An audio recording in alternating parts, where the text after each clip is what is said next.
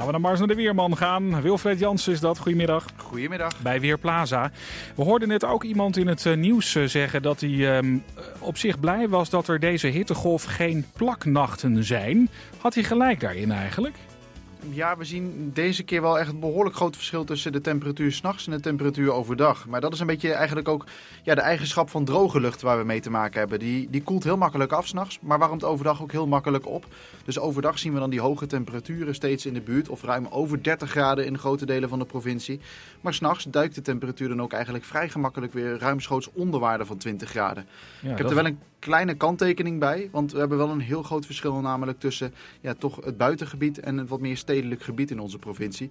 Want in de buitengebieden kan het de komende nachten bijvoorbeeld steeds afkoelen naar zo'n 13 tot 15 graden.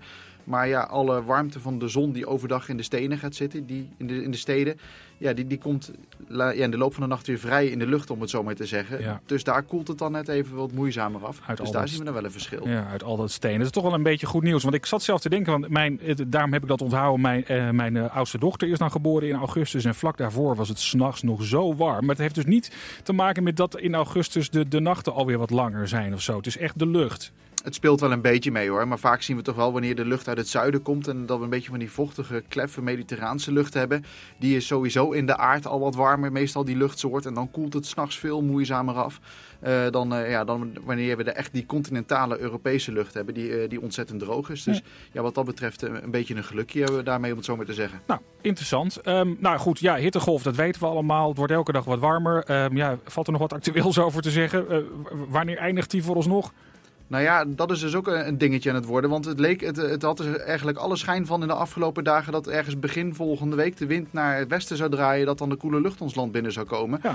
Maar nu neigen de berekeningen toch ja, langzaam een beetje naar het feit dat het lage drukgebied dat ons weer beïnvloedt ten noordwesten van ons land. Juist een beetje ten zuidwesten van ons land uitkomt. Ja, dat betekent dat het allemaal wat wisselvalliger wordt. Maar dat de wind van het oosten naar het zuiden draait en niet naar het westen. Dus aan de andere kant krijgen we nou juist meer met die wat warmere lucht uit Zuid-Europa te maken. De lucht wordt van- vanaf het weekend ook, of in ieder geval na het weekend moet ik zeggen, ook een stuk vochtiger. Zien we meer bewolking, de kans op buien neemt toe. Maar echt flink lagere temperaturen, ja, dat, eh, dat zit er in ieder geval tot en met dinsdag nog niet in. En ook daarna zou het zomaar eens elke dag nog op 25 graden of warmer kunnen zijn. En zolang dat het geval is, ja, duurt die hittegolf voort. Zo. Nou, misschien eh, gaan we wel op voor een hele lange hittegolf dus. Maar, Ik daarover... sluit het niet uit. Nee. Nou goed, gaan we horen. Eh, dankjewel voor de laatste informatie. De weermodellen van Weer Weerplaza. Wilfred Jansen was dat.